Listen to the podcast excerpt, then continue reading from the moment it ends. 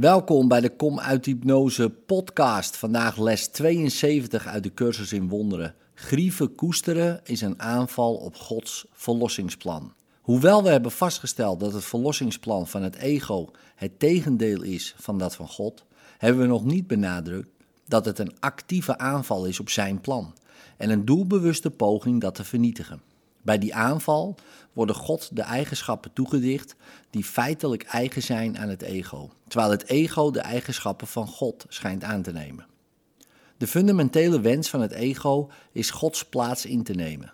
In feite is het ego de fysieke belichaming van die wens. Want het is die wens die de denkgeest met een lichaam schijnt te omgeven, hem afgescheiden en geïsoleerd houdt en niet in staat de denkgeest van anderen te bereiken, tenzij via het lichaam dat werd gemaakt om hem gevangen te houden.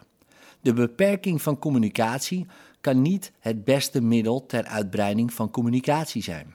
Toch wil het ego jou doen geloven dat dit wel zo is. Ook al is de poging om de beperkingen te handhaven die een lichaam tracht op te leggen hierover duidelijk, het is misschien niet zo duidelijk waarom grieven koesteren een aanval is op Gods verlossingsplan. Maar laten we eens het soort zaken onder de loep nemen waarom jij geneigd bent grieven te koesteren. Zijn ze niet altijd verbonden met iets wat een lichaam doet? Iemand zegt iets wat jou niet aanstaat, hij doet iets wat jou ergert, hij verraadt zijn vijandige gedachten door zijn gedrag. Je houdt je hier niet bezig met wat die persoon is. Integendeel, jij bent uitsluitend geïnteresseerd in wat hij doet in een lichaam. Je doet meer dan alleen niet helpen hem van de beperkingen van het lichaam te bevrijden. Je probeert hem actief daaraan te binden door hem daarmee te verwarren en ze beiden over één kam te scheren. Hiermee wordt God aangevallen. Want als zijn zoon alleen een lichaam is, moet hij dat ook zijn. Een schepper die volkomen van zijn schepping verschilt, is ondenkbaar. Als God een lichaam is, wat houdt zijn verlossingsplan dan in? Wat anders zou het kunnen zijn dan de dood? Door te proberen zichzelf te presenteren als de auteur van het leven en niet van de dood, is hij een leugenaar en een bedrieger vol valse beloften, die illusies in plaats van waarheid aanbiedt. De klaarblijkelijke realiteit van het lichaam maakt dit beeld van God heel overtuigend. In feite zou het, als het lichaam werkelijk was, inderdaad moeilijk zijn aan deze conclusie te ontkomen. En iedere grief die jij hebt, houdt vol dat het lichaam werkelijk is. Dat gaat volledig voorbij aan wat jouw broeder is. Het versterkt jouw geloof dat hij een lichaam is en veroordeelt hem daarvoor. En het houdt staande dat zijn verlossing niets dan de dood kan zijn, waarbij het deze aanval op God projecteert en hem hiervoor verantwoordelijk houdt. Naar deze zorgvuldig bereide arena, waar razende dieren op prooi jagen en genade geen toegang heeft, komt het ego om jou te redden. God heeft jou een lichaam gemaakt, heel goed, laten we dit aanvaarden en er blij om zijn. Laat je als lichaam niet beroven van wat het lichaam jou te bieden heeft. Neem het weinige wat je krijgen kunt. God gaf jou niets. Het lichaam is je enige verlosser. Het is Gods dood en jouw verlossing. Dit is het universele geloof van de wereld die jij ziet. Sommigen haten het lichaam en proberen het te kwetsen en te vernederen. Anderen hebben het lichaam lief en proberen het te verheerlijken en op te hemelen. Maar zolang het lichaam in het centrum van jouw zelfbeeld staat, ben jij bezig Gods verlossingsplan aan te vallen en koester je grieven jegens Hem en Zijn schepping. Zodat je de stem van de waarheid niet kunt horen en die als vriend verwelkomen. Zijn plaats wordt ingenomen door jouw uitverkoren verlosser. Die is jouw vriend. Hij is jouw vijand. We zullen vandaag proberen deze zinloze aanvallen op de verlossing te staken. We zullen in plaats daarvan proberen haar te verwelkomen. Jouw op zijn kop waarneming is voor je innerlijke vrede rampzalig geweest. Jij hebt jezelf in een lichaam en de waarheid buiten je gezien, afgesloten voor je bewustzijn door de beperkingen van het lichaam. Nu gaan we proberen dit anders te zien.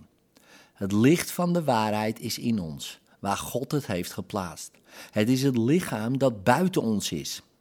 En niet onze zorg. Zonder lichaam zijn betekent in onze natuurlijke staat zijn. Het licht van de waarheid in ons herkennen betekent onszelf herkennen zoals wij zijn. Onszelf als los van het lichaam zien betekent een einde maken aan de aanval op Gods verlossingsplan en het in plaats daarvan aanvaarden. En overal waar zijn plan wordt aanvaard, is het al volbracht. Ons doel tijdens de langere oefenperiode vandaag is ons ervan bewust te worden dat Gods verlossingsplan al in ons is volbracht. Om dit doel te bereiken moeten we aanval vervangen door aanvaarding. We kunnen niet begrijpen wat Gods plan met ons is, zolang we het aanvallen. We vallen dus aan wat we niet herkennen. Nu gaan we proberen ons oordeel opzij te zetten en te vragen wat Gods plan met ons is. Wat is verlossing, Vader? Ik weet het niet. Zeg het mij, opdat ik het begrijp. Dan zullen we in stilte op zijn antwoord wachten. We hebben Gods verlossingsplan aangevallen zonder te wachten om te horen wat het is. We hebben onze grieven zo luid uitgeschreeuwd dat we niet naar zijn stem hebben geluisterd. We hebben onze grieven gebruikt om onze ogen te sluiten en onze oren dicht te stoppen. Nu willen we zien en horen en leren. Wat is verlossing, Vader? Vraag en jou zal antwoord gegeven worden. Zoek en je zult vinden. We vragen het ego niet langer wat verlossing is en waar we die kunnen vinden. We vragen het de waarheid. Wees er dan zeker van dat het antwoord waar zal zijn, gezien wie jij het vraagt.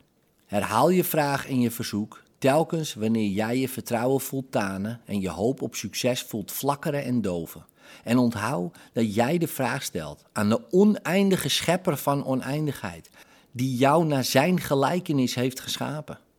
Wat is verlossing, vader? Ik weet het niet. Zeg het mij, opdat ik het begrijp.